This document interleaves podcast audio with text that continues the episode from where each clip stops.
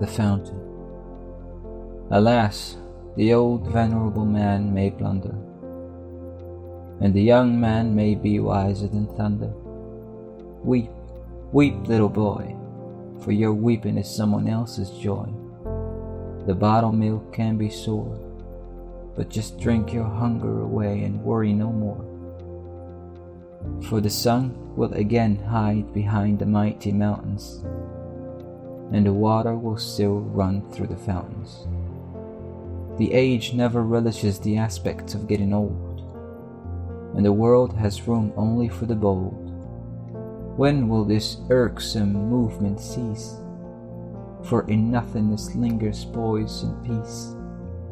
No attentive ear is now empty to listen to the sage man, as his words are slung to a little boy's hand.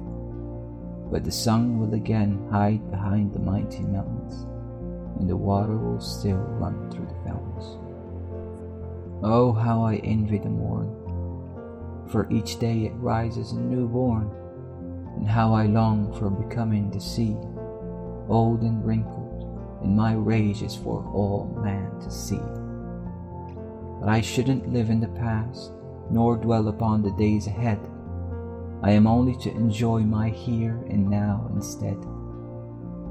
Bask underneath the sun that is hiding behind the mighty mountains, and listen to the music of water running through the fountains.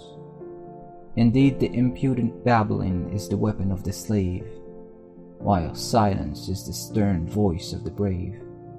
The dead man doesn't hear his dirge, and the anguish of parting, that only tears of the living can purge. The young boy does cry but knows not of sorrow, and sleep lightly like there was no tomorrow, slumbering while the sun is hiding behind the mighty mountains and the water is streaming through the fountains. The old man witnessed the boy start as he lagged behind him with a heavy heart. The young boy suddenly stopped, looked back, and winced as his head dropped. He raised his head again, and their eyes caught each other, and in the middle, I found myself lost forever. The sun was rising behind the mighty mountains and there was no water left to stream through the fountains.